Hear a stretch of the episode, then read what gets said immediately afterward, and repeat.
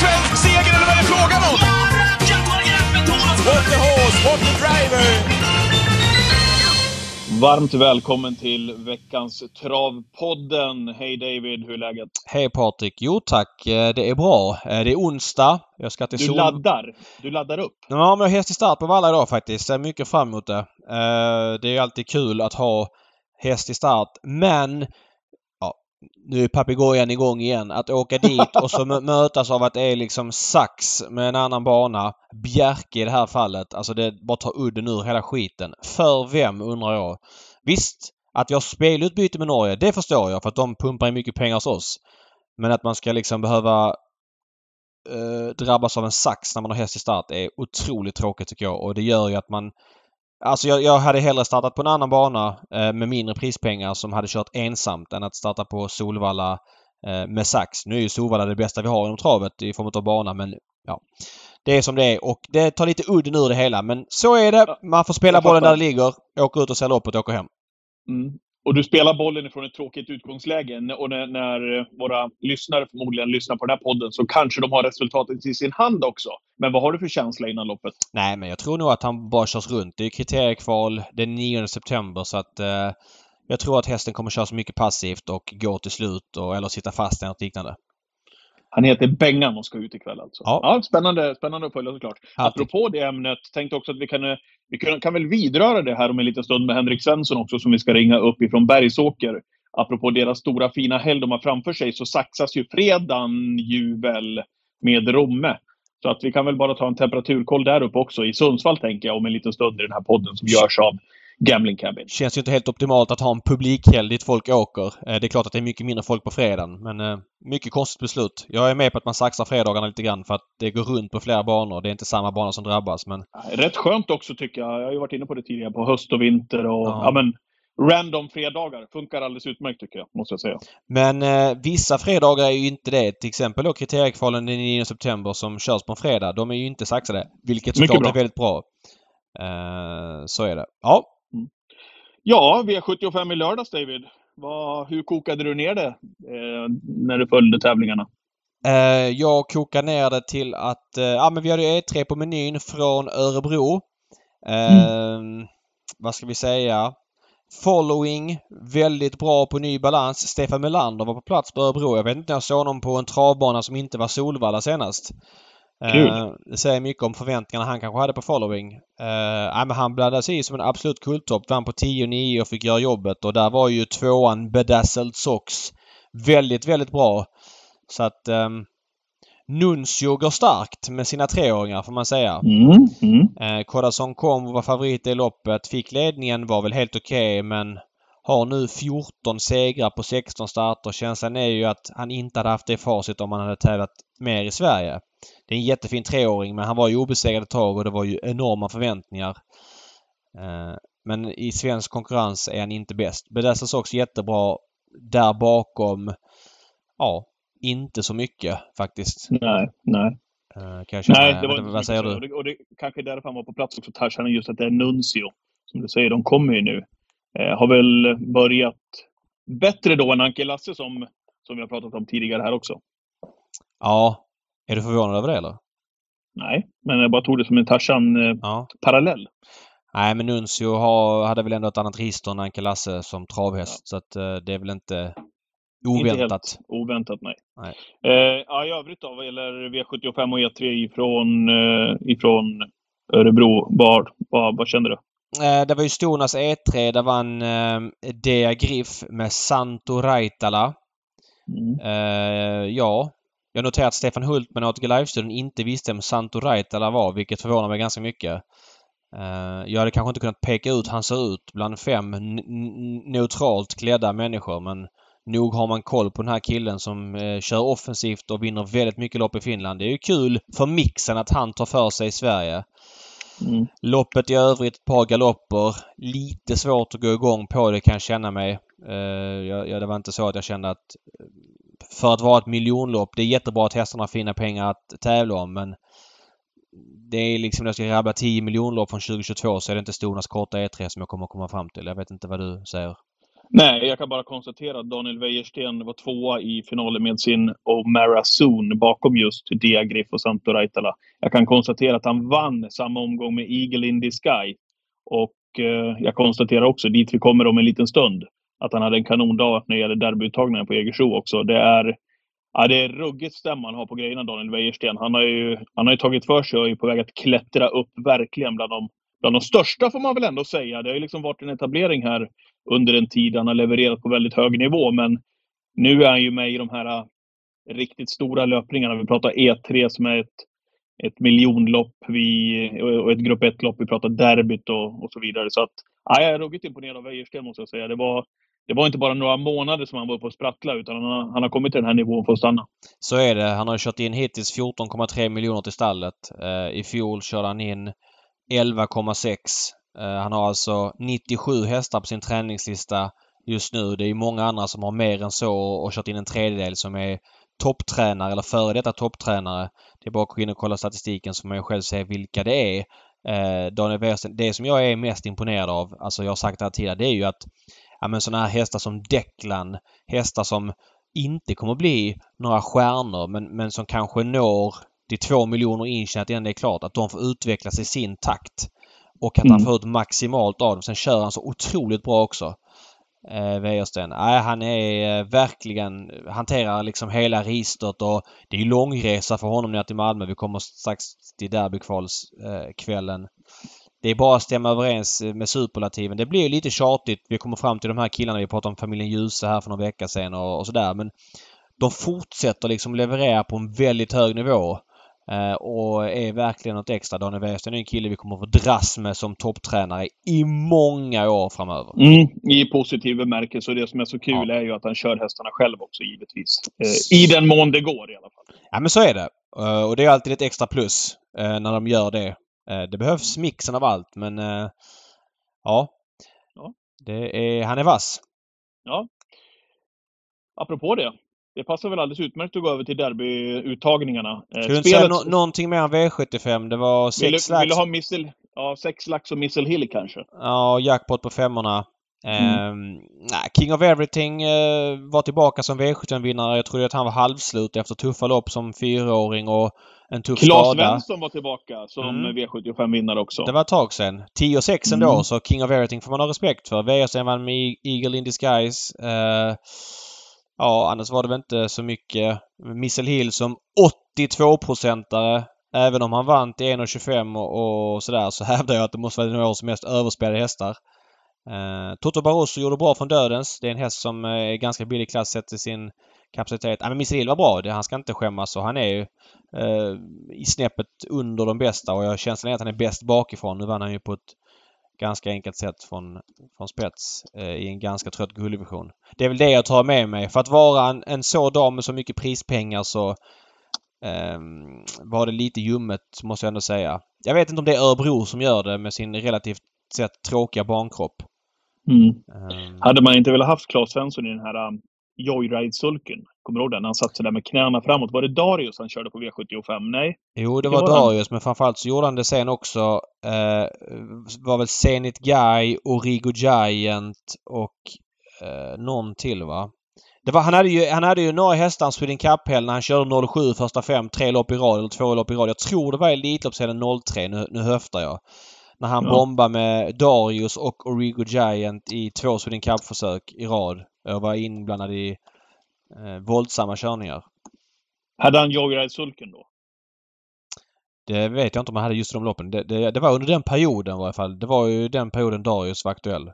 0, den, slog 03. aldrig, den slog aldrig den där sulken. Nej, Stigo körde också med den eh, med Baron Pepper. Out, tror jag. Nej, och Bar. Ja, och Baron Pepper. Han hade den i någon Elitloppsfinal, Stigo, eh, med Baron Pepper. Men som du säger, det, det flög inte fullt ut. Nej. 99 mm. tror jag han hade Joyride med Baron Pepper om jag inte har helt fel för mig. Mm. Ja, det kanske var så. Eller så kanske det var Indian Silver. Ja, någon, någon. Men han hade mycket med Baron Pepper, det vet jag i alla fall. Ja, det hade han. Ja. Eh, ja, gårdagen då. Eh, om vi stänger Örebrobutiken eh, där. Eh, mm. gårdagen på Jägersro.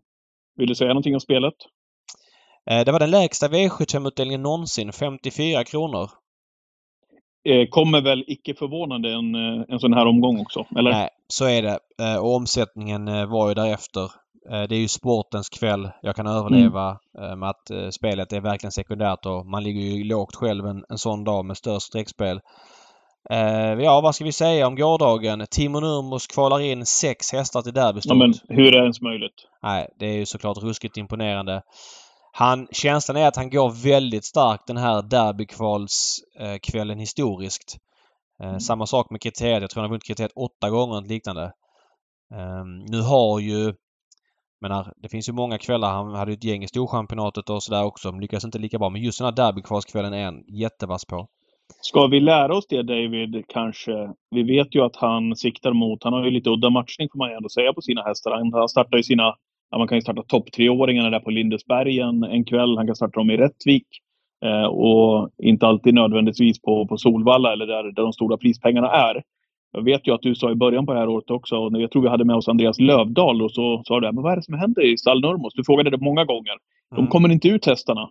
Och vi har väl, ska vi lära oss ändå på något vis också, även om det kanske var lite, de låg lägre än vad de gjort tidigare vid den tidpunkten i år. Men de kommer ju ut senare och när det väl är dags för de här stora loppen så har, är han väl representerad, eh, Nurmos.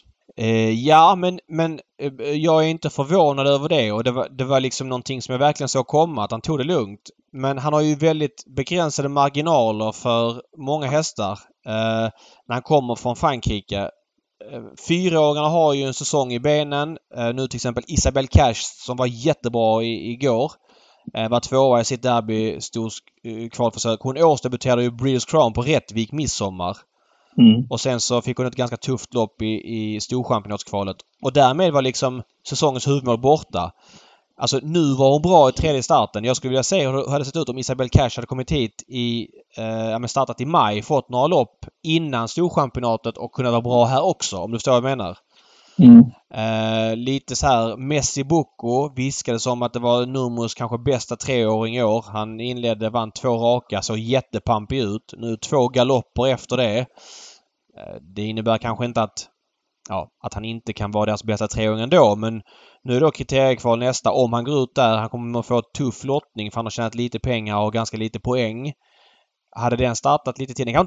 I det fallet kanske inte den kunde starta tidigare för han inte är tidigare. Så där är det en annan sak. Men Ja, nej men det finns ju inte marginal på vissa håll. Samtidigt så finns det ju en topp som är otroligt hög och den visade sig igår med, med, med sex inkvalade till derbyt. Och, ska vi säga då, Luleås Boko i Svenskt Travderby. Så att, eh, ja, det är bara lyfta på hatten för ett imponerande tränarjobb i det här avseendet. Eh, samtidigt mm. så ligger ju Nurmos långt efter inkörda pengar eh, mot tidigare år. Då kan man säga att han hade Calgary Games det året och haft Real Express tidigare men det är inte hela sanningen utan totalt sett så är det... Eh, ja men det är, han har kört in 12,5 miljoner i år. Eh, 30 på hela förra året, 21 året innan, 36 året innan, 42 året innan. Ja, det finns vissa topphästar. Men känslan är ändå att det har varit lite tunnare framförallt på V75 just i år. Mm. När det gäller derbyt eh, och uttagningarna därifrån, vilken tycker du imponerade mest av eh, derbyvinnarna? Eller försöksvinnarna? Ja, jag tycker det är lite svårt att säga. Jag tycker det är många som imponerade ganska mycket. Okay. Eh, jag, jag, kan inte säga att någon stack ut speciellt mycket. Alltså Francesco sett, sett till förväntningarna på honom att han joggar runt på 13 blankt. Det är ju egentligen helt intetsägande. Jag får nog säga sett till förväntningar var det nog Power Doc eller Eddie Bear som imponerade mest på mig. Eh, ja. Vad säger du? Jag gillade intrycket igen på Is No Good Am, måste jag säga. Eh, Men han ligger liksom på i loppen, alltså på ett sätt ja, som känns... Jag förstår vad du menar. Och så blev det lite grann avstannande slash trött kanske sista 50. När Declan, det var väl Declan-loppet det var, eh, spurtade väldigt bra där bakom. Ja, det var det. Mm. Eh, men, men ändå, ja, han har ju, även om han har levererat på en hög nivå i Is No Good Am, så har det varit ibland eh, med varierad prestation hur han har sett ut. Jag varit lite orolig för honom tidigare i, i våras, men jag tycker att han ser väldigt... Ja, men, han ser formstark ut ändå i Snowgodam. Så att jag tycker att det är kul, för det är en häst verkligen som vi... Ja, men vi målade ju upp i Snowgodam och Francesco sett och duellen tidigare där i år. Så att jag, jag tyckte det var kul att se honom, måste jag säga. Ja, Mm. Eh, nej men jag håller med och han funkar ändå på ett bra sätt över lång distans. Jag menar, jag tror inte att han eh, vinner finalen. Men 12-8 eh, det är ju starka papper liksom. Så är det. Mm. Du, nämnde, du nämnde Eddie Bear. Det måste man väl ändå ta fram då när vi sitter och pratar om Timo Nurmos och sex hästar, vilket är en bedrift såklart. Men vad kul också, Linda Persson Mm. Stefan Perssons fru, som tränar Eddie Bear, egen produkter som han plockar fram och som vinner ena derbytagningen och vann före Donizetti. Eh, det är, det är starka papper och kul för Linda måste jag säga. Ja, en fyraårig Wallach efter Make It Happen med Virgil Bucco som eh, morfar. Det är ju inte den mest... Eh, det är inte den vassaste stammen och vilken otrolig utveckling det har varit på Eddie Bear här nu under sommaren. Han har ändå varit med i ett par storlopp Eh, var ju med i Sprintermästaren och det vet vi inte vad det kan göra med två hit samma dag. Vissa hästar flyttas fram av det medan vissa kanske tappar lite form och sådär. Men Eddie Bear har varit riktigt bra här nu under hela perioden och vann sitt försök väldigt enkelt. Mm. Uh, nej, jag håller med. Bra med lite spridning såklart om man då uh, har att Nurmos är så pass dominant i, i Stonas uppgörelse. Alltså, Francesco Zet har ju varit jättefavorit inför. Jag vet inte, minskade hans favoritskap lite grann igår när det var många som ändå såg väldigt bra ut av de andra vinnarna? Nej, jag tror inte det. Eller, eller minskade det kanske snarare av den anledningen med tanke på lottningen som den föll ut. Inte liksom eh, att han skräms av konkurrenterna utan mer om det är någon som får för sig att svara. Eh, ja, men det, det, det, är helt, i, i det är helt, helt övertygad om att de kommer göra med eh, Luleås Boko. Mm. Eh, helt säker på att de kommer svara med den. Nu fick man spå invändigt. Eh, Kentucky River som kanske då blir tredjehandare kan inte öppna någonting. Så känslan är ju att Louis Boko kommer sitta i spets och jag kan tänka mig att Björn släpper. Eh, nu tror jag att Francesco Zet är helt överlägsen ändå. Ja, jag också. Och, och, och, det är nog många som tror det och han är jättefavorit. Det är svårt att ta betalt på att ha den vinkeln. Mm. Men eh, det blir ju ändå någon form av tävlingsmoment av det, lopp och där bakom kommer bra hästar få bra lopp i kroppen. Men som sagt, jag tror att det skiljer flera nivåer till Francesco Zets fördel. Um, ja, nej, jag vet inte vad man ska säga mer om gårdagskvällen. Det är faktiskt alla lopp vanns från spets. Alla vinnare mm. satt i spets varvet kvar. Jag vet inte om det har hänt en tävlingsdag tidigare. Nu kan man överleva med att det sker en derbykvalskväll men det är ju ingen, det är ingen reklam för Jägersro som bana kan jag känna. Um, mm. det, det, är en... Eh, visst, nu hände den här gången men nej, jag är, det är inte optimalt eh, kan jag känna totalt sett. Men det blir sekundärt när sporten blir så bra. Sen är det nog första gången någonsin då som att det vinner sju streckfavoriter på V75 vad jag kan minnas. Ja, kanske. Eh, och därav den låga utdelningen. Jag vet inte vad du säger om... Eh, vill du nämna någon mer? Som, Nej, det, det var ingen som floppade igår liksom. Det var ingen Nej, som... Jag kan, bara, jag kan bara nämna att Adrian Colgjini vann ju på V75-kupongen men det var ju när han vann med Perfect Face. Mm. Han hade ju kvalat in i V75 7 får man väl ändå tro. Till derbyt också. Eh, Achilles face. Det har varit en situation när Marcus Lindgren Eh, flyttade ut Nuggets zon samtidigt eh, som Adrian Colgjini kom in då med Achilles face. Nu, det är svårt att säga på de där bilderna tycker jag, eh, vad som händer. Men det ser nästan ut som att Achilles face bryter ner lite grann i banan eh, samtidigt som Marcus kanske går ut lite mer än i andra spår också så att de liksom möts som Torbjörn Jansson var inne på i ATG Live. Studion, svårt att säga tycker jag på de där bilderna så jag hänger ingen eh, av varken Marcus eller, eller Adrian. Men, men känslan är att Adrian har fått med Achilles face till, till derbyt bakom Kentucky River. För Castro the Star hade ju aldrig hunnit upp i alla fall. Så det var, som det blev nu. Nej men så är det. Det blev ju en racing incident där ingen dömdes. Men eh, Marcus Lindgren... Alltså det där med racing incident alltså. Det är ungefär som när de kör de här uh, voltstarterna. Ingen, ingen allmän oreda. Mm. Alltså Nej visst, det kanske att göra det, gör det lätt för sig men det behöver ju inte vara någons fel. Det kan ju vara en effekt av flera anledningar att det här händer liksom. En kedjereaktion. Ja. Eh, men och så måste... kan det ju vara i voltstart också när man blåser ja. av, ska sägas. Men, men, men oftast hör man den där allmänna oreda. Mm. Och man kan ofta se vem det är som i alla fall de lägena kan jag tycka orsakar just omstarten. Men det är en annan femma. Men jag måste säga det, Marcus Lindgren sa i sin intervju efteråt att han menar på att han... Det var en derby eh, finalplats som gick upp i rök för honom. Eh, nu är ju hittills har i varje fall Achilles varit en mycket bättre häst än Nugget Zone. Men jag är inte säker av det jag ser. Nugget Zone känns gott gåendes när han får luckan. Eh, som att mm. han har grejer kvar i, i, i tömmarna. Det blir lite grann, ja, man är sig själv närmast. Det är klart att mm. båda två tror att de har gått vidare men eh, jag kan konstatera bara att Nagazon var gott gåendes när det där hände. Eh, jag tar inte gift på att den ena eller den andra hade gått till, till final. Vi har två kuskar som hävdar att de båda gått till final och det må mm. vara hänt att de säger det. Jag kan inte av bilderna eh, liksom slå fast att den och den har gått till final. Utan det var nog... Det var ju en finalplats som försvann för någon av dem. Frågan är vem? uppfriskande att få följa direkt de går i mål. Man konstaterar då att Kentucky River vann. Det var odramatiskt, men vad hände där bakom? Kollade Patrik live när Torbjörn Jansson för övrigt var helt underbart tycker jag att lyssna på som, eh, som expert där i det sammanhanget. Men man fick ju då direkt fick man bilderna framifrån måldomarkameran. Eh, man fick göra sin egen bedömning istället för de här sidobilderna ifrån. Väldigt vackert och härligt producerat. Man precis går i mål så får man ja, men snackisen i loppet. Vem hade varit tvåa? Vad var det som hände?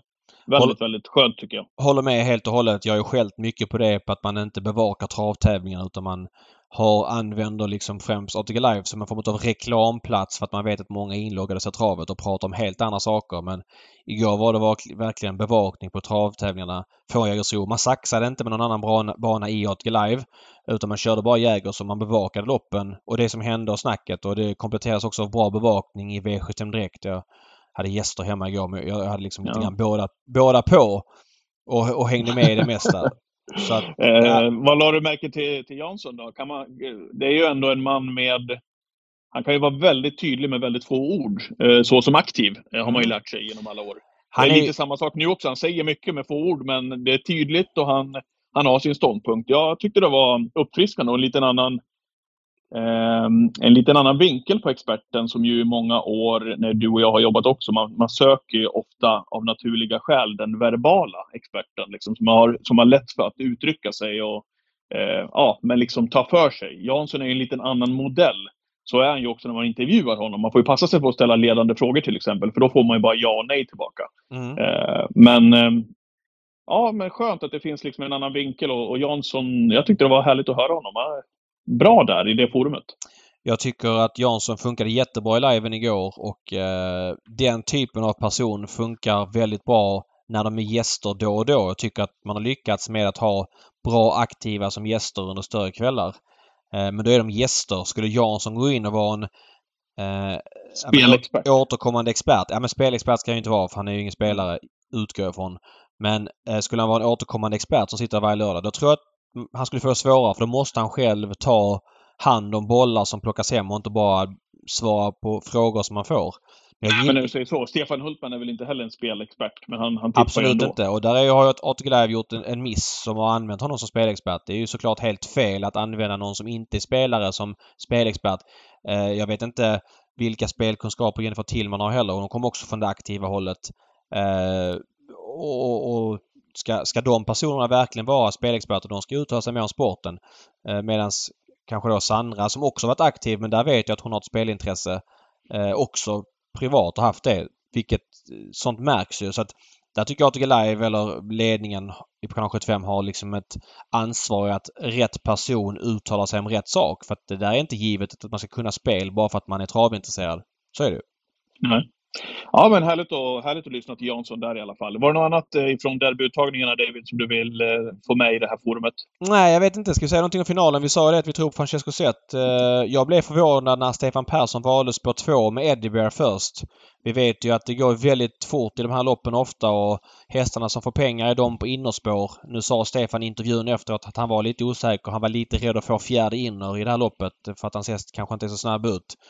Eh, fjärde inner tror jag är en alldeles utmärkt position i derbyt. Det kommer bli sprickor på bortre lång eh, med typ 500 meter från, från mål. Jag tror att nästan alla kommer få luckan i, i ett sånt lopp. Eh, jag, jag blev jätteförvånad att han valde spår 2. Och det, han sa själv att han inte var säker på det och jag kanske inte har rätt i det här men för min del blev jag förvånad. Innerspår måste ju vara nöten eh, när... Det var väl lika i derbystoet också va? Vart inte spår 1 där också? Jag, jag följde inte, den, lot, jag följde ja. inte den lottningen eh, lika direkt. Så det kan ja, inte jag Jag borde på. veta det. Jag satt och följde, så, så mm. jag tror att det var så. Men Stig och Johansson sa i alla fall alltid det när, när jag jobbade med honom i flera år där som expert. Måste alltid ta spår 1 när man får chansen i stora lopp. Alltid spår 1. Ja, men om du har långsam häst från start då? Alltid spår 1 i stora lopp. Okej. Okay. Ja, det där. Jag förstår ju att hade Redén fått välja först eh, med Francesco så hade man ju inte valt spår 1. Även om han Nej. visar att han kan öppna det är ju en liten risk förenat med det och sådär. Eh, där har vi en häst som kan gå annars på. Men de som ska slåss om placeringarna bakom. Jag är helt övertygad om att de som kommer vara 2, 3, 4 kommer ha alltså vara överrepresenterade från spår 1. Det är min Ja, känsla. ja. Eller från Och han innerspår. menar Och, och Johansson kanske förenklade det också. Men han, Nej, men så han, var, tydlig med, han var tydlig med att Ja. att man, måste, man får inte... Alltså spår 1 är spår 1 i stora lopp när pengarna ska fördelas. Ja, ja. Så att, ja. Ja, och det, det kan vara så att Stefan kanske går ner på innerspår senare. Det vet jag inte att han... Men han har ju sämre chanser att komma ner på innerspår just från spår 2 eh, som det är nu. Så vi får se. Mm. Det är en, en och en halv vecka till eh, derbyt körs. Och som vanligt blir derbyt ett av de roligaste loppen att följa. Eh, det är ju verkligen tävling kommer det bli i, i varje moment. Och med flera bra hästar. Menar Kentucky River kändes ju nästan okörd. Lulius Bucco 8 av 8. Francesco Zet Ja, bland det värsta vi har haft eh, som årgångshäst. Um, är väl toppen. Sen finns det ett par bakom där med stark utveckling. Jag längtar. Vi ses väl på derbyt? Ja, jag är faktiskt sugen på att åka ner. Jag bestämde mig nog lite halvt idag för att jag åker ner till derbyt. Eh, hur Ja. gör du? Ja, jag är där. Du är där. Jag är där. 100 procent. Som...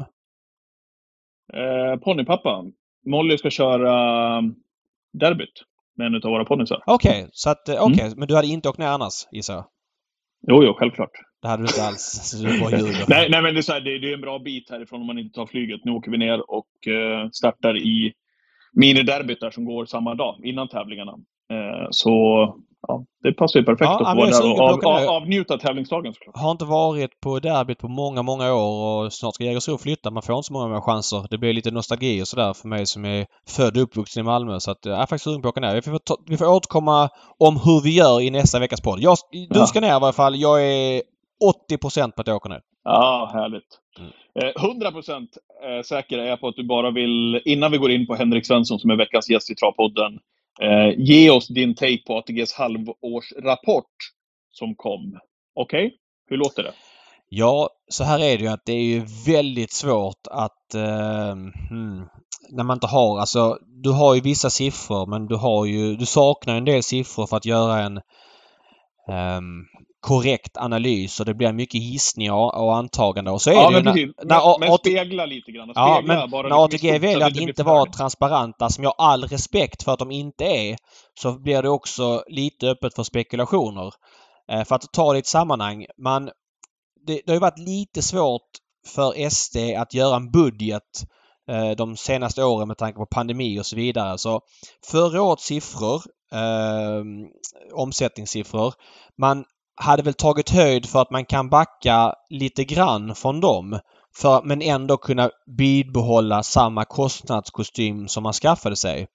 Eh, och bara som ett exempel. I fjol så var ATGs rörelseresultat eh, 930 miljoner eh, efter eh, alltså under halvårsskiftet. Eh, och Mm. rörelseresultatet är då efter att spelarna får tillbaka sina pengar och spelskatten är betald. Det är inte bara pengar rakt i sporten för det finns lite galoppens utgifter och lite andra skattetrixande. Men det är en bra jämförelsesiffra. 930 förra året. I år hittills på halvåret 805. Och gör man då en eh, menar ett överslag om man tror att andra halvan av året omsätter lika mycket. Det borde omsätta lite mer med tanke på att det spelas lite mer på vintern och vi har de här eh, V75-bonanserna i december. Mm. Eh, eh, Men, men skulle det vara lika mycket då landar vi på eh, nu tänker jag högt här, ungefär 1,6 miljarder och förra året var det 1,9 miljarder eh, totalt sett eh, rörelseresultatet på helår. Det är alltså 300 miljoner skillnad.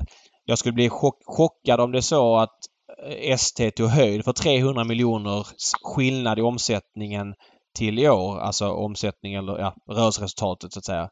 Så att eh, skulle det fortsätta så här så tror jag att man behöver skära någonstans. Det är min gissning. Eh, Jag har inte alla siffror. Det kan vara så att det är kostnader som är dragna men nu spekulerar jag fritt här.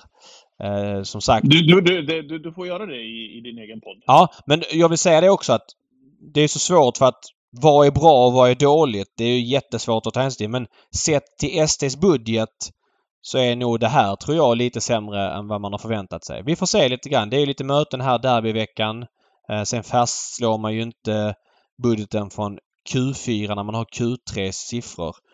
Och det har varit ganska varmt i augusti månad. Jag tror omsättningen har haft det ganska tufft när jag jämfört rakt av utan att veta vad som är svensk och utländsk omsättning. Så att det blir spännande att följa. Vi pratar om det här, det är ju lite nördigt men det är ju motorn i hela verksamheten. Så därför är det viktigt att ta upp. Ja. Eh, och vi, vi gör en detaljerad koll på det när vi har summerat helåret och då kör vi med Lars G Dahlgren såklart. Eh, men vi behöver inte göra det varje kvartal för att det blir lite för smalt kanske. Ja, mm. eh, det, det, har du rätt i. Men vi kommer tillbaka vad gäller, vad gäller det såklart lite senare eh, det här året. Ja, då ska vi in på veckans Eh, gäst innan vi pratar V75, ger våra tankar till den tävlingsformen. Vad har du för tankar kring Henrik Svensson innan vi ringer? Ja, lila svart kusk. Eh, det känns som att han har varit på ungefär samma nivå i väldigt många år. Eh, jag tycker att han kör vårdat, kanske lite åt det underskattade hållet. Svartblå väl? Ja, men i mitt huvud har de varit lila. Mm. ja, exakt. nej, men det är kul att höra hur hans, menar, travet är ju så mycket mer än de största tränarna och de flesta hästar. Det finns så många historier att berätta och många verksamheter att borra sig ner i. Och Henrik Svensson med två intressanta chanser på V75 på lördag på sin hemmabana Bergsåker. Eh, hur ser hans rörelse ut för dagen? Varmt välkommen till Travpodden Henrik Svensson. Tack så mycket. Kul att du är med. Bergsåker ju som väntar. Hur, hur mycket ser ni fram emot den här helgen? Ni som är bergshockeytränare? Ja, men väldigt mycket. Det är vår största helg och eh, ja, det är alltid väldigt spännande och fint väder ska det bli också. Jag tror det blir mycket folk. Ja, du, du Henrik, eh, du håller till på Bergsåker. Det känns som du varit med länge i gamet. Du är ändå bara född 76. Din rörelse innehåller 18 hästar på listan. Eh, du har hittills som tränare i år kört in 1,2 miljoner du slår redan nästan fjolårets siffror. Då är det 1,3. Du har 26 jag måste, säga, jag måste säga att jag älskar att du säger att han är bara född 76 också David. Nu, nu blev jag på bra humör här under Ja, du är bara född 77. Eh, ja, men, ja. Vad säger du om dina träningssiffror Henrik? Eh, ja, men det är bra siffror. Det har ju gått väldigt bra i år tycker jag. Och eh, ja, vad det beror på, det är svårt att säga. Men vi, vi har väl lite bättre kvalitet på hästarna och eh, de har varit friska och vi har även lagt om lite träning och sådär. En, en ny backe som vi har gjort ordning och det fungerar väldigt bra tycker jag. Vad har du för koncept? Eh, om man har 18 hästar på listan, då gissar att man har alla på gården. Har du egen gård eller hur funkar det? Ja, vi har egen gård och vi har plats för ja, nästan 40 hästar så att det, det, det, är inte, inte fullt på långa vägar men eh, ja, det är, det är bra som det är ändå för dagen men vi tar gärna emot flera. Det låter inte helt okomplicerat Henrik nu, att ni har bytt träningsupplägg och fixat en backe. Är det någon backe som ni har haft där eh, eller är det någonting ni liksom har fått göra och bygga om du förstår vad jag menar för att liksom få ja. den här lutningen? Ja, nej, nej, det, är väldigt mycket lutning överallt här där vi bor. Det mest upp och ner. Och eh, jättefin backe har vi redan sedan förut på 900 meter som vi tränar. Men vi gjorde i ordningen en liten kortare backe med, med sand i så att det är väldigt tungsprunget och vi kör tre minuters tempo bara där i, i, i de intervallerna. Det, det kör vi inte hela tiden, men vi, det är ett bra alternativ tycker jag. Hästarna blir starka av det och väldigt mm. låga farter som sagt. Du känner alltså att hela rörelsen utvecklats med den här backen? Ja, men jag tycker att eh, i alla fall vissa av starthästarna, det är de vi körde. Det är inga, inga unghästar såklart. Men, men eh, de, de har tänt till lite av det och fått en, en, en liten extra växel tycker jag. David, David, vad är din take på det när vi hör Henrik berätta här om sandträning och backträning? Det går ju hela tiden liksom i ja, men i olika epoker där på något vis. De framgångsrika tränarna som bygger sina koncept. Vi vet Svanstedt som hade sin, vi vet Redén som jobbade med sin, eller som jobbar med sin sandbana. Eh, och fler och fler liksom tar efter det. Vad, vad känner ni kring det där? Vad, vad, säger du David om när du hör det här? Nej, men känslan är väl att fler och fler går mot just sand. Backe, backe varierar lite. Känslan är ju att Hultman för mig var ju liksom backtränare nummer ett att han liksom gick lite i bräschen för det. Men sen kan, är väl också känslan att backen kan skada lite också. Det, det kanske, nu gissar jag lite grann, men kanske lite fler skador än vad det är Eh, med sanden. Att sanden är det hetaste nu. Vi hade ju Peter G Norman här för ett tag sedan som pratade om en sandbana på Eriksund som de skulle bygga. Jag vet inte Henrik, vad, vad säger du om det resonemanget? Ja, men nej, jag tycker nog inte att det är mycket skador i backe heller. Det har inte vi haft i alla fall. Men det, det beror nog mycket på underlaget där och vilket tempo man kör. Och som, som sagt att det, eh, det var man ju lite osäker på hur det skulle fungera med en sandbacke. Det skulle ju kunna bli eh, mycket skador. Men det är så tungsprunget och vi kör väldigt låga fart så att har, vi har inte haft en skada där sen vi började träna där. Vad är nackdelen med backe då generellt sett? Om du säger att du har en vanlig backe som inte är sand. Vad är närsidan med det tycker du? Nej, det är, det är ingen nackdelar men, men har man har man inte så stor omsättning på hästar, man får sällan in några nya, man har samma, då, då kan det vara kul att få hitta på något nytt med hästarna och, och, och få dem att tända till. Det är skillnad om man får in nya hästar och, med jämna mellanrum som kommer in i ens koncept. Då, då, det, då blir det som en nytändning för dem, kommer på ett nytt ställe. Men vi får jobba på med, med samma hästar och får vi hitta på det bästa utav det. Fattar. det känns som att... Åh oh, herregud. Oj. Jag höll på att dö där. Luft i fel strupe. Mm. jo, det känns som att du har hållit på ett tag och haft ungefär samma storlek på rörelsen. Är det liksom medvetet eller du sa tidigare att du vill utöka men det känns som att du har varit liksom Bergsåker trogen i många år. Är det ett mål du har haft eller har det bara blivit så? Nah, nej, det, vi trivs väldigt bra här så att det har vi aldrig haft några andra tankar på att flytta någon annanstans. Vi har ju haft mer hästar också. Vi, vi, vi startade ju med 2005 var det tror jag och eh, då, då hade vi ju väldigt litet stall. Jag hade bara ett stall här på gården då och eh, knappt några hästar i träning. Men vi, vi kom igång hyggligt i alla fall och efter några år så fick vi fram några riktigt bra hästar och då, då började hästarna att ramla in. Och det ringde någon nästan varje vecka och ville lämna en häst i träning. Och då, vi var nog uppe i nästan 60 häst ett tag. Då hade vi även på Bergsåker då och så hos grannen som vi hyrde av. Men från 60 till 18, vad har hänt där emellan? Ja, det kom inte in några nya hästar helt enkelt och eh, de, vi, de som vi hade, de, de hade väl börjat gjort sitt, många av dem, så att man fick väl börja avveckla dem och, och försöka satsa på nya, men hästägarna var inte med på det och satsa om. Så därför har det minskat.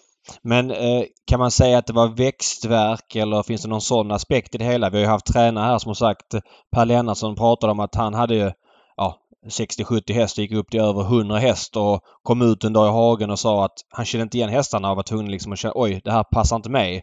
Eh, vad, vad, säger du om det?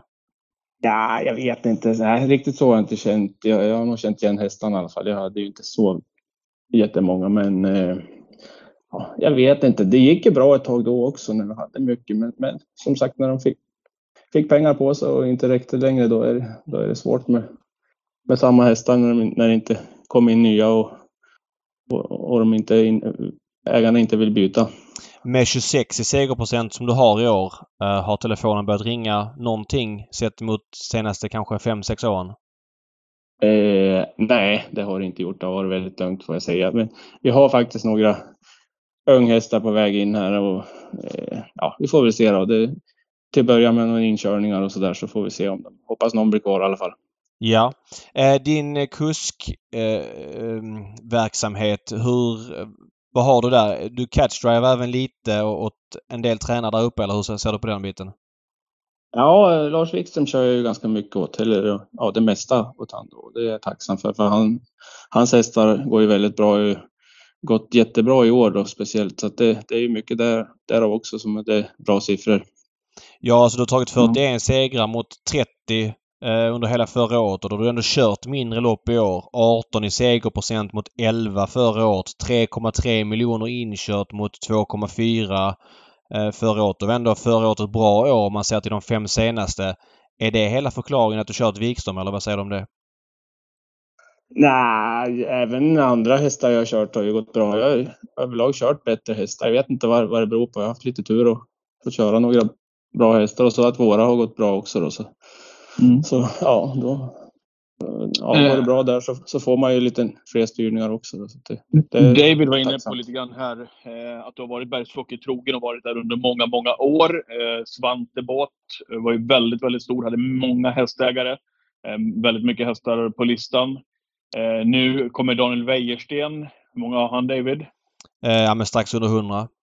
Strax under 100. Hur upplever du konkurrensen genom åren på just Bergsåker? För ni, ni fightas väl om ungefär samma hästägare kan jag tänka mig uppe i Norrland?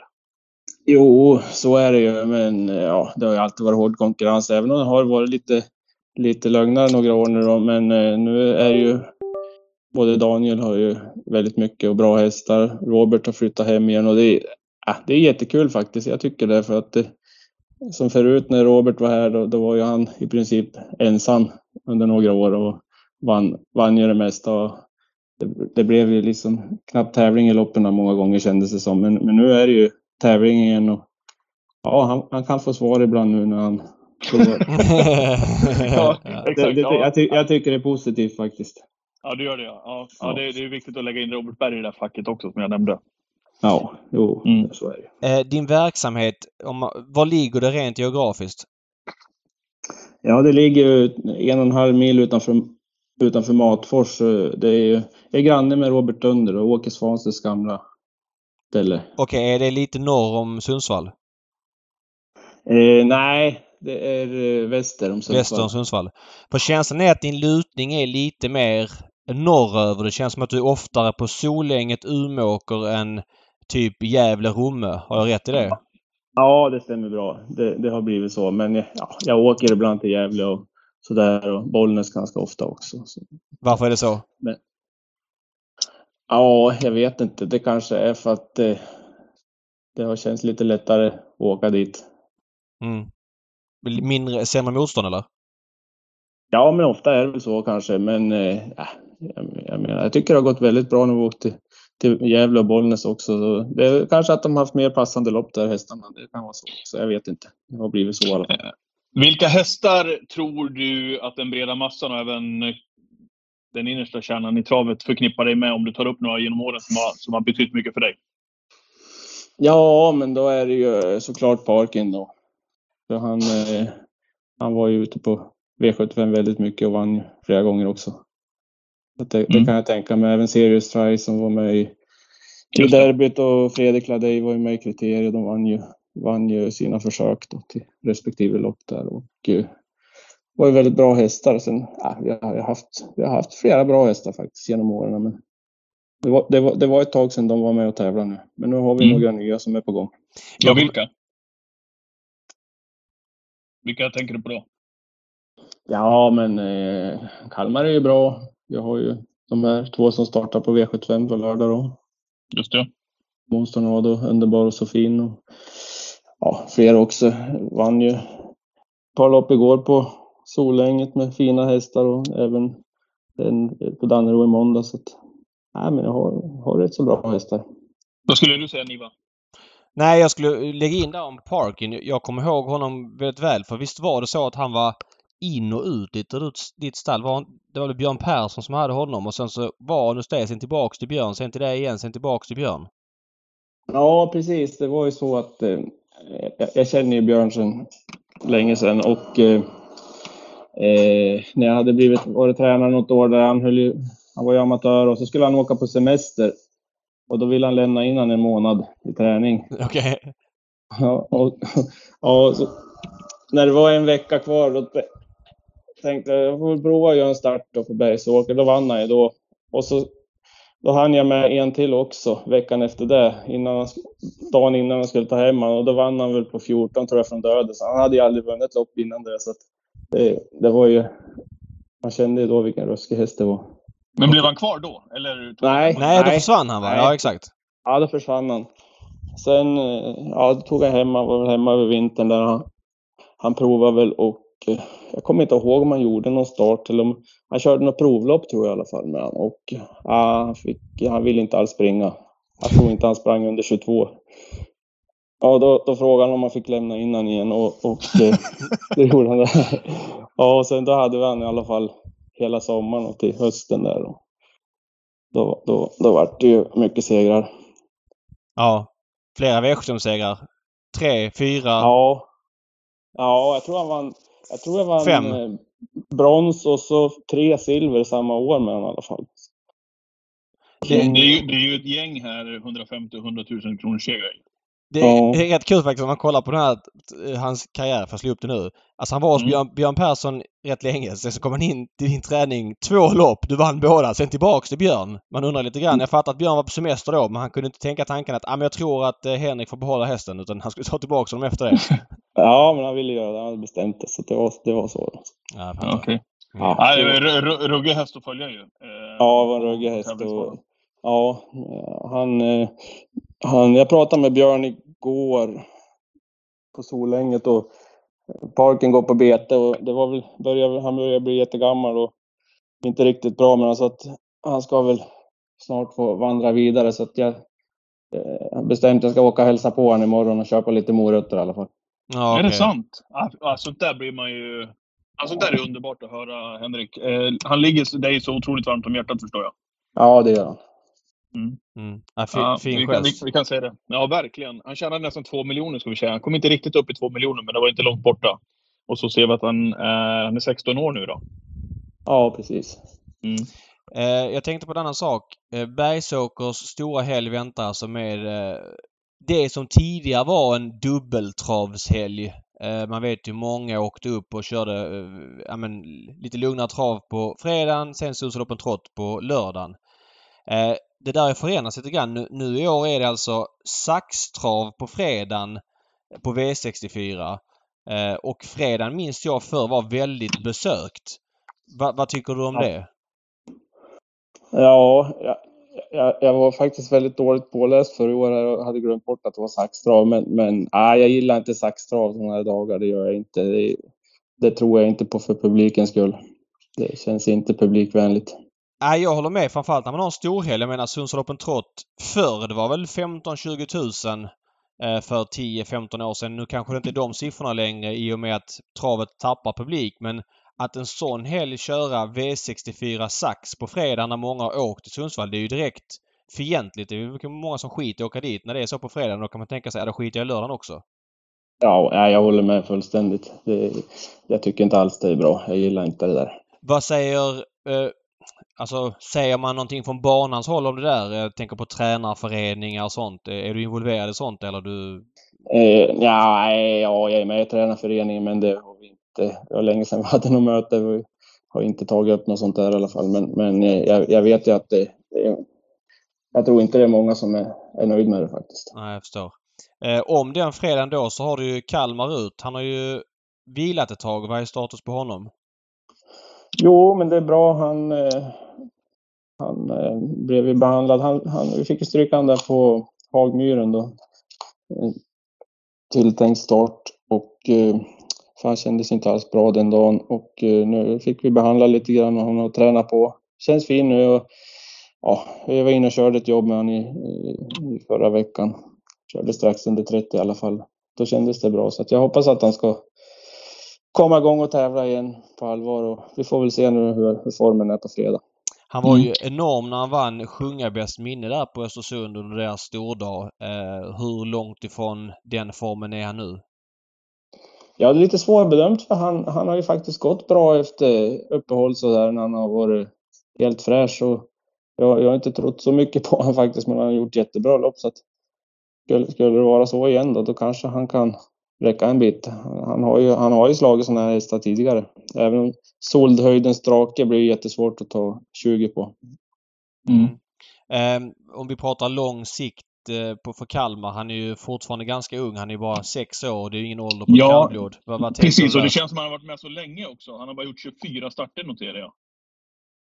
Ja, precis. Ja, men det är ju de här frisörproblemen som vi har haft. Inga stora grejer, men det stör han väldigt när, när de här små sakerna. Och det gäller ju att få bukt på det. Jag tror att vi är lite på rätt väg i alla fall. Vi jobbar på med det hela tiden. Men det måste ju få bli någon kontinuitet i tävlandet för att det ska komma riktigt, den här utvecklingen. Mm. Vad känner du i honom på sikt? Är det för att snart är han ju högsta klassen för kallbloden. Är det... Tror du han Ja. kommer göra sig gällande där? Ja, men jag tror det om, om, om, om, om vi kan, kan få tävla på med honom riktigt sådär. För det, det känns ju som en sån häst. Som, han är ju så otroligt eh, fin hästen och både exteriört och jag, man känner ju liksom när man kör i jobben här, man kan ju köra hur fort som helst när han har fina dagar. Mm. Mm. Eh, Distansen nu då? Den är ju anmärkningsvärd. Det är tre Ja. varv. Någonting som talar till honom till hans fördel, eller vad säger du? Nej, det är väl inte det. Fördelen är ju att, att han brukar ju vara sämst i, i, i början av loppen och blir ju bättre och bättre i travet ju längre loppen går. Så att sista varvet där det flyter fint. Mhm. Du har två varv, två varv på sig. Exakt. Ja, precis. Eh, du kör sex hästar på fredagen. Är det någon annan som sticker ut? Eh, jag kör ju en åt Lars Wikström som den här Bettel Hanover tycker jag är fin travare. Bra läge, spår rätt. Jag har inte pratat med Lars någonting nu hur, hur läget är men det är ett tag sedan han Mm. startade i alla fall så att, eh, jag vet inte men den, den, är, den är ju bra. Du kör ju Huddlestone också. Den är väl också... Huddlestone också, jag ska ut på fredag. Det glömde jag. Han är ju, han är ju grym hela tiden. Det är ju en sån där häst som jag har kört hela karriären och som också ligger väldigt varmt om hjärtat. Mm. Eh, Jag fattar. lördagen då, eh, stordag som du säger. Ehm, jag vet inte, vad förväntar man sig publikmässigt på lördagen? Det kanske är svårt för dig att avgöra men eh, det har varit ett tapp här på många travdagar. Vad, vad säger du om, om det? Ja, det är ju det är tråkigt såklart, men eh, det borde bli mycket folk, fina tävlingar och fint väder, men jag vet inte. De, jag läste någonstans att de, vänt, de väntar sig mycket publik, men inte som det var när det var som mest. Men de hoppas väl på 5-10 tusen. Mm. jag, Jag trodde att de, jag trodde att de skulle hoppas på lite mer. Men, jag fattar. Jag såg att nya popstallet där, Öystein Tjomsland, Marcus Pilström, hade något djävulskt event. Det var minigolfturnering och femkamp och hitten och ditten under ja, med start fredag och över hela lördagen fram till söndagen. Eh, alltså, det är svårt för dig kanske att säga någonting om det men det känns ju väldigt härligt med den typen av evenemang om man får säga det lite från sidan. ja, absolut. Det är ju det är jättefriskt satsat. Marcus har ju kört något sånt där tror jag tidigare också, så det är väl han som är hjärnan bakom det där gissar jag. Han är ju, han är ju outstanding på, på sådana där grejer. Så att, eh, ja, det, det är bra gjort tycker jag. Mm. Spe späckat schema i helgen för Pilströms ägare. Eh, ja, men dina starthästar på eh, lördag då, de du kör. V751 eh, kör du underbar och så fin. Vad kan man förvänta sig där? Ja, eh, jag tror han gör ett bra lopp. Han var ju väldigt bra senast, även om han sprang och bröt lite grann och så där och inte var helt, helt perfekt i, i kurvorna. Så, så hoppas jag att, att han ska kunna duga en bit i alla fall idag, om man, eller på lördag om man får rätt ryggar. Mm. Har du siktat på den här uppgiften? Ja, det har jag gjort. Efter senaste starten i alla fall, då bestämde jag för att vi ska sikta på det här. Ja. Hur, hur är det med Underbara Sofin? Är det, någon, är det någon positioner som gynnar den hästen mer än andra? Jag tänker med tanke på utgångsläget vi fick nu. Ja, i, och med att han springer och bryter väldigt i kurvorna så är det ju fördel såklart när man är på innerspår. Men det blir ju svårt nu då. Mm. Men som sagt, eh, om man, om man tittar på loppen näst senast, han var oplacerad avslutningen då, det var, det har gått dubbelt så fort som de andra över upplopp i alla fall. Det satt omöjligt till, så att han kan spurta också. Mm. Han är ju inte jättemycket spelare men han gjorde själv från döden senast på en ganska bra tid. Eh, känns det inte lite som att han är något bortglömd? Jo, men det kanske han är. Han, eh, jag menar, få, blir det rätt resa för han och, och har som kraft, spurtkrafter kvar, då, eh, han, det, jag tror inte det är någon som är lika snabb som han i alla fall, över ett upplopp. Det är en väldigt rolig proposition här. 1640 meter voltstart. Eh, vad säger du om det? Ja, det, det är ju det är ofta voltstart i första, Mm. första V75. Jag vet inte om det, det är för- skull. kanske. Ja, precis. Ja. Omsättningsgynnande. Ja. Ja. Men eh, kort distans och bakspår ska, alltså det är ju vad det är såklart. Men du tycker att kort distans funkar bra för honom? ja, men det funkar bra. Ja. Absolut. Ja, intressant.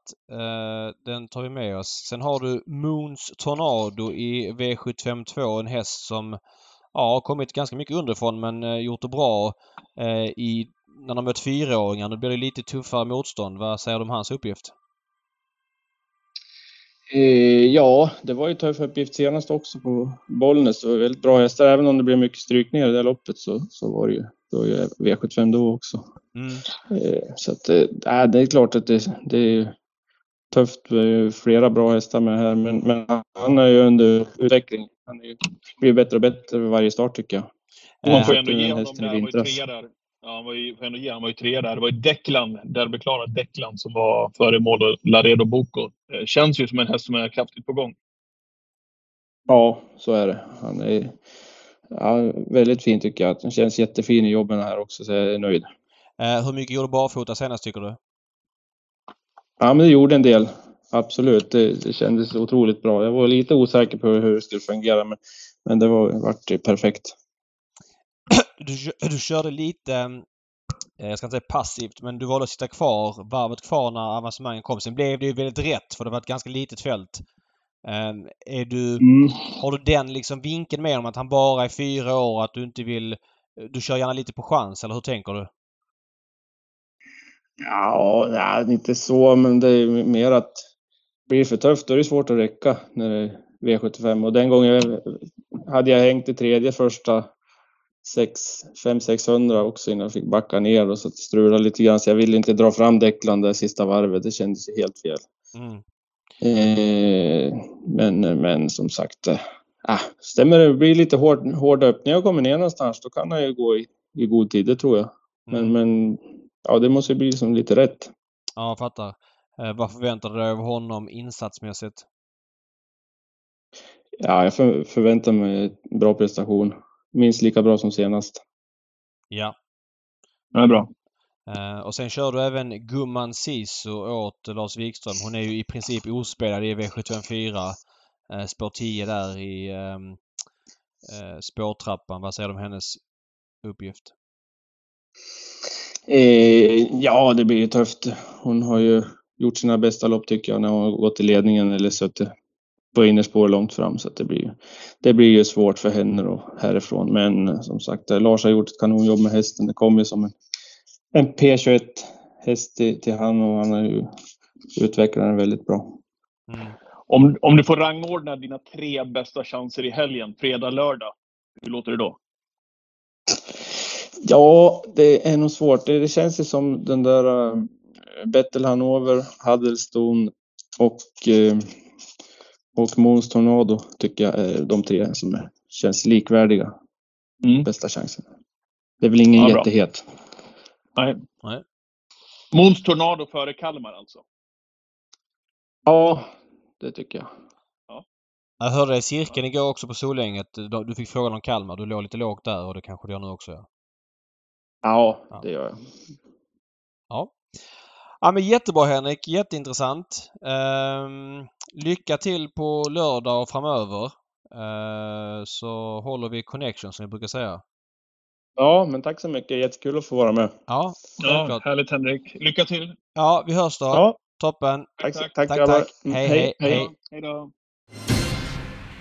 Ja, vi tackar Henrik så mycket för det och går in på V75s första avdelning direkt då, där vi eh, vidrörde Underbar och så fin. Men den hästen är bara 3% just nu, David. Eh, vad har du för take på loppet? Ja, vi ska säga det att vi kör en rapp V75-genomgång nu och sen är vi tillbaka i Twitchen på lördag 13.00. Jag skriver Expressen för första veckan efter uppehåll så jag kommer vara extra påläst. Så 13.00 på lördag för det färskaste. Men vi tar det väl eh, lite grann på halvvolley här nu några dagar innan och man har ju koll på sträckan. Eh, ja, Underbar så fin är väl intressant i 3% men mest intressant för mig i nuläget det måste väl ändå 8 The World Is Mine vara till väldigt låga 2% va?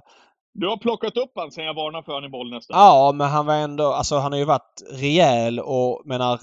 Det är kul med 1640 volt för det blir lite chansbetonat. Det är klart att spår 8 är tufft där man kan bli instängd och risken eller chansen för luckor är mindre när det är så Ja, ja. kort distans. Men jag tycker ändå 2% på honom känns lite. Det är ju inga superdjur han möter. Men Firefoot har galopperat en del och Behind Lord det är väl ingen inget lejon direkt och, och stressiga spår för Kissinger Book och El Labero.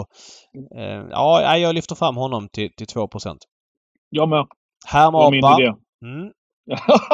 ja, vad skönt. Det var bra att du fick upp ögonen för The World Is Mine där, David. V75s andra avdelning. Favorit här är nummer 5, Liberty Boko. Väldigt jämnt sträckat till loppet.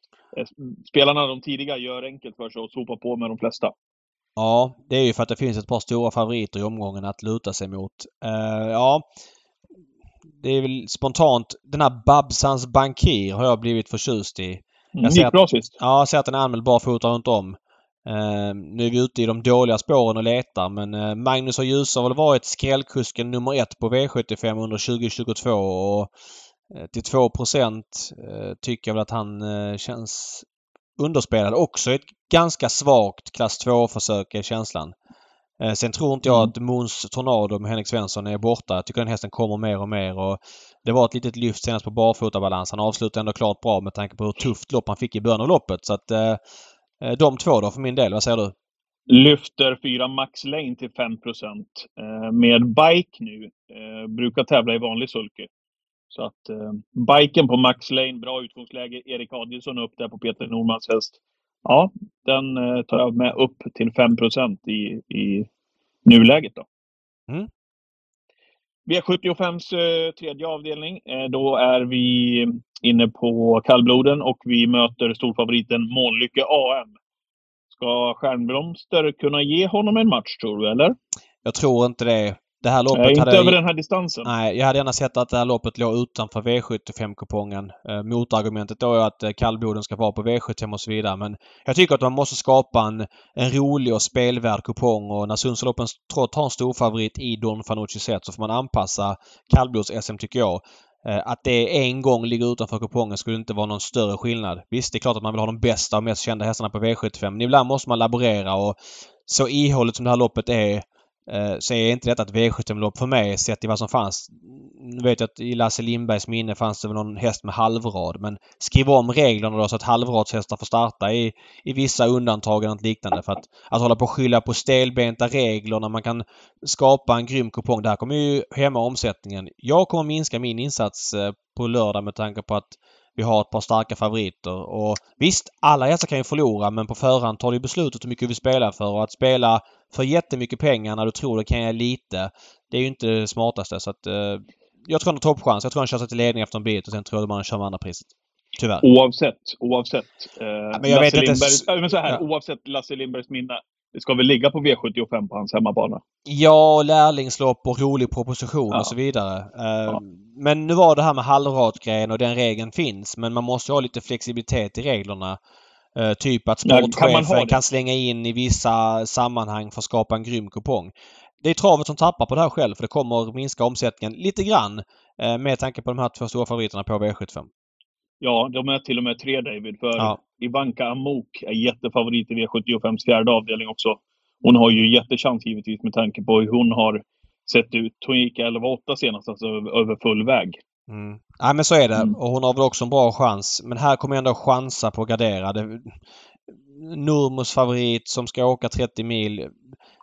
Så här, hon, det troligaste är att hon vinner med 30 meter. Och så är det. Men det finns ändå data på stora favoriter för Nurmos i Norrland som har liksom kastat in ankaret eh, i god tid. Eh, mm. Jag kommer chansa många här med tanke på hur omgången ser ut. Fyra... Jag lyfter den. Ja, ja kör. Jag lyfter en jätterysare i nummer tre, Summertime S. Barfotabalansen går eh, Vilma Wallberg tillbaka på igen. Eh, gå in och kolla försök och final i Rättvik där eh, tidigare i juni. Kommer ju därför ut, David, och var mycket hårt betrodd och snackis när Örjan Kihlström svingades upp där under Storchampionatshelgen. I det lopp som skrällvanns av Loaded Leila och Marcus B. Svedberg. Mm. Då var ju alltså hon spelat Summertime S till, vad stod hon i? Tre, fyra gånger pengarna. Något liknande. Ja. Eh, hon kan, hon kan skrälla om Ivanka Amok kommer bort. 2 eh, bara. Ja, jag har lyft fram Annie Lennox eh, som var jättefin senast. Har ju mött enklare motstånd men hon Annie Lennox. har vunnit väldigt enkelt vann hon senast. Och Pettersson låter lite så här skönt optimistisk och första barfota.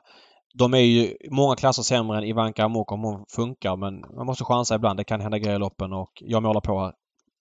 Walking on broken glass va? Ja, precis. Bra mm, låt för övrigt. Mycket, mycket. Mycket bra låt. V75s femte avdelning. Eh, det är eh, silverdivisionen. Här är det lite jämnare spelat. Eh, mellan ett Evens Cool Boy och nummer fem Dwayne Sett. Mm. Dwayne Sett, då är det biken på och barfota igen. Ganska svag silverdivision måste vi säga med tanke på att det ändå är typ sommar fortfarande. Eh, jag eh, tror att ett Evens Boy har en bra chans att leda runt om. Han spetsar ju ganska enkelt faktiskt på Östersund från spår 1. Jag vet att spår 1 på Bergsåker är väldigt bra. Och eh, nu är det barfotabalans igen. Håller han upp ledningen jag kan inte tänka mig att Dunder släpper till någon och då borde han ha bra chans att leda loppet runt om, tror jag. Kylin Blom lär väl trycka av Morotai Degato? Absolut. Vi får se om det går men ja, jag är skeptisk spontant på vad Dunder vill och han tänker men jag skulle bli förvånad om Dunder inte är angelägen om att köra i spets. Det måste han vara mot det här motståndet, tycker jag. Ja. V75 sjätte avdelning då. Ehm, jämnt även här. Eh, åtta Hannibal Face är knapp favorit i loppet. Ja, det här är det bästa V75-loppet ja. sett till vilken klass det är. Här har vi ju flera... Jättebra lopp! Ja, jättebra lopp. Alltså Fabulous Bellini, Napoleon Cash, Hannibal Face, Santos de Castella, Versace Face. Och alla de kan vinna. Hefneram kan vinna till 4% Hefneram, exakt. Versace Face har sett lite trög ut och varit ute i långlopp. Nu när det är auto så åker biken på, säger Redén på sin hemsida. Vi får se lite grann hur det blir. Han är anmäld med vanlig vagn. Men skulle biken åka på så är det första gången och det skulle vara jätteintressant på Versace Face. Annars ja, känns det just på som att honom ja. Ja, annars känns det som att Hannibal Face eh, är ute i en för låg klass. Har ju varit bra redan hos Gulgini. Sprang en 11-tid full väg förra året men eh, känns som att han ja, var i varje fall stabilare hos Berglund de här två starterna. Sen så Fabius Pellini gillar man ju hemmaplan och sådär så att eh, och Napoleon Cash. De, är, de där står i huvudet högre, det är känslan. Mm. Jag gillar ju Hannibal Face och kapaciteten som han Ja, har. Men lä läget här är ju, är ju vad det är. Men jag, har, jag har feeling för att Hefneram gör ett bra lopp. Ja, Eh, min, Frågan är vart han hamnar. ja, min första är ändå Fabius Pellini från... Eh, nu har inte hon startat på ett tag. Jag vet ju Ändå mot VS... tingstar i den här klassen. Ja, David. Alltså, jag vet ju VSen sa hon behövde loppet där på Umeåker i årsdebuten hon var lite sugen. Men det var också kort distans. Nu är det lång distans. Känslan är att det passar lite bättre. Mm. Så att, eh, ja, vi får se. Du ville fälla med Missile Hill i, i lördags David med tanke på sträckan. Ja. Eh, Redén och Kihlström, det lyckades inte. Eh, vad har du för tankar kring Don Fanucci sett? Nu blir inte han lika mycket spelad för Missile var över runt 80 procent och dit Ja. seglar väl inte Don Fanucci sett mot de här hästarna. Ja, vi får se om man gör det innan det är klart. Eh, Det är ju bara omsatt när vi pratar eh, en miljon kronor och det kommer ju landa på kanske 110 innan det är klart. Så det är mindre än 1 Mm. procent av omsättningen. Eh, Jag tror att han bara vinner. Han har varit så sjukt bra hela året och senast i... Vad var det Örjan sa till dig i cirkeln senast? Ja, han sa till Redén och jag stod bredvid att eh, eh, idag hade jag kunnat köra hur fort som helst. Mm. Mm. Och kanske att han är lite bättre på kort distans. Det är min gissning utan att jag vet. Men, men det är så pass marginellt och jag tror att de andra kör en bit här för att få ledningen. Sen ställer Örjan en fråga efter 500 meter. Sen är den som har ledningen nöjd med andra priset på 400 000. Och eh, då blir Mm. Don Fanucci sett svårslagen. Skulle han inte få ta över spets så har han en bra chans från dödens också. Ehm, det är klart, alltså så här. Är sträckan så här, så stole the show till, till 6 Alltså den avslutningen Åbergskvällen och så lätt som han vann senast. Han är ju bäst eh, i spets men han har fungerat bra bakifrån också. Har en bra rygg i Make the Mark. Skulle han hamna bra på det. Eh, alltså 6 är för lite på honom helt enkelt. Så pass bra har han varit. Så att jag tror att det är toppchans för Don Fanucci men man spelar ju för att vinna pengar inte för att ha många rätt och då måste Show med till de här procenten i alla fall. Ja. Vad var, Ja. det, vad var det för ljud? Äh. Jo, men det är bra att ha många rätt också. Jo, jo, såklart. Men det är bra att ha många rätt när det ger pengar. Inte ha många rätt by default. Så är det liksom. Nej. Ja, men vad säger du om loppet då? Vad, vad, vad är din take? Nej, jag, jag är samma take givetvis. Jag har ju svårt att se dem torska. Då måste det vara någon form av infektionsbild eller liknande. Jag har väldigt svårt att se att han ska lägga det här. Med tanke på när jag hörde Daniel och Örjan små chitchatta lite grann i vinnarcirkeln där. Känslan är att det i princip bara är Simon som kan mäta sig med honom för dagen. Eh, sen kan ju alla Mm. hästar förlora ändå men eh, de två är Mm. etta och tvåa. Vem som nu är etta och tvåa av dem. Så är det. Det, Ja. det är min absoluta uppfattning. Okej, Francesco Zet också kanske. Men han tävlar ju inte mot dem så att han får än så länge hålla sig i sin ringhörna tills han blir äldre. Ja. Är du kvar eller? Ja, tänkte Ja. att vi kryssar på vignetten där. Jaha, okej. snyggt. Ja, men då kör Ja. vi den nu istället då.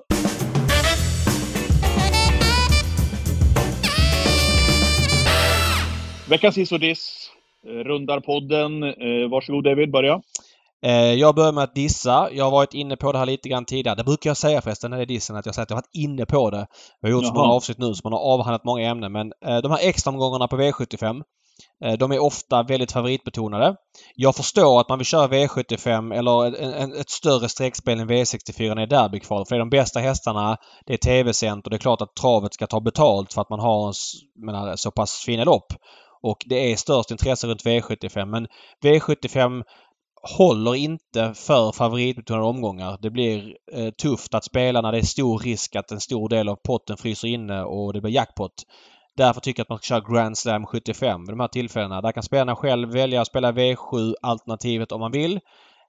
Det är möjligtvis att omsättningen blir marginellt lägre för att varumärket Grand Slam 75 är inte lika känt. Men ett, ett högre radpris och själv kunna välja V7 på extraomgångar känns intressant. Eh, det var samma sak på Dannero när det var här kallblodskriteriet. Och det är ofta så att extraomgångarna är favoritbetonade. Det var så på jubileumspokalen i år också att det blir jackpot på femmorna. Stek V75, kör Grand Slam 75 istället och skulle omgången leva upp på ett helt annat sätt. Just de här uttagningsloppen som du är inne på. Där är det ju väldigt där är, ju, där är ju de mer mån av förklarliga skäl om att släppa till en bra rygg och kunna lyfta med till en finalplats. För det är det som är målet för många, att ta sig till final. Ja, fram, framförallt på derbyt. För när det kommer till derbyt så är hierarkin så klar. Man vet vilka mm. som är de bästa. Kriteriet har inte alls samma grej för där utvecklas hästarna olika och någon ja, som eh, var bäst för två månader sedan och många tror är bra Eh, är kanske inte bäst längre och eh, de andra som tycker att de har hästar som är på väg framåt som inte har visats är mer offensiva. Så kriteriekvalen är ur den aspekten mycket roligare. Men jag tycker att V75, det blir alltså när det är så pass stor risk för jackpot på femmor och sexor då orkar man ju inte ens liksom delta. Man skulle ändå kunna delta på ett annat sätt. Men att spela en joker med faktor och så eh, köra krav på utdelningen. Då funkar det om du kan spela bara för sjurättspotten. Eh, och så urholkar du inte vårt största varumärke V75. Visst, och så andra sidan tycker man ja, vi får jackpot nu. Vi kan bygga jackpot på V75 och det är bäst omsättningsmässigt. Ja, på kort sikt. Men på lång sikt så betalar man ett pris för att folk inte orkar spela de här omgångarna längre mm. när man vet att det inte ger någonting. Så jag hade bytt till Grand Slam 75. Ja. Och då hissar jag och jag ska hissa hela upplevelsen och följa tävlingarna ifrån Jägersro och derbyuttagningarna. Det så att Ehm, och tittade på ATG Live helt enkelt. Vilken härlig sändning. Du vidrörde tidigare idag i podden. Ehm, vilken härlig sändning då man verkligen bevakade sporten. Man fick, eh, ja, men man fick Jansson, man fick eh, bra produktion. Ja, det, var, det var härligt att följa helt enkelt. Och, och även tv-sändningen. Ja. Okej, okay. ja, jag tittade bara på liven. Mm. Ja, vad kul att du säger det. Ehm, och satt och småmös helt enkelt. Och sen måste man ju också i den här hissen då också följa upp med Nurmos eh, sexling som är helt ofattbar egentligen. Hur man kan kvala in sex hästar till ett sånt lopp. Det är ju liksom inte... Det är inget kitlopp som man har kvalat in sex hästar till. Så att, ja, det är ruggigt imponerande av Nurmos och eh, härlig kväll framför, framför datorn helt enkelt. Tisdagskvällen fick eh, ägnas åt Jägersro. Skriver under på vad du säger till 100% Båda sakerna är unika. Att kvala in sex hästar till så här stort lopp i den tuffa konkurrensen vi har. Och att man bevakade travtävlingarna igår och inte. Det är klart det kom lite Big Nine-snack och sportsnack och sådär men... Men ja. unikt var väl att ta i? Vadå? Du sa att båda sakerna är unika. Det görs ju väldigt bra produktioner kan jag tycka också. Ja, alltså det som jag tyckte var unikt det är ju att Nurmos kvalar in sex hästar. Ja, det var det du tyckte var... Ja. Okej, okay, jag fattar. Ja. Mm. Mm. Ja. Ja, men vad härligt att du skriver under på det David. Och vi påminner om Twitchen nu på lördag 13.00. Då ska vi... Ja, då har, då har du mycket kött på benen. Oj, oj, oj. Och så jackpot. Det förväntas vara 49 miljoner i sjurättspotten på lördag. Bra! Lycka till ikväll med Bengan David. Tack Patrik. Tack för att ni har lyssnat. Vi är tillbaka igen nästa vecka igen med Travpodden. Vi är så glada att ni lyssnar. Bra, vi hörs. Hej! Hej! you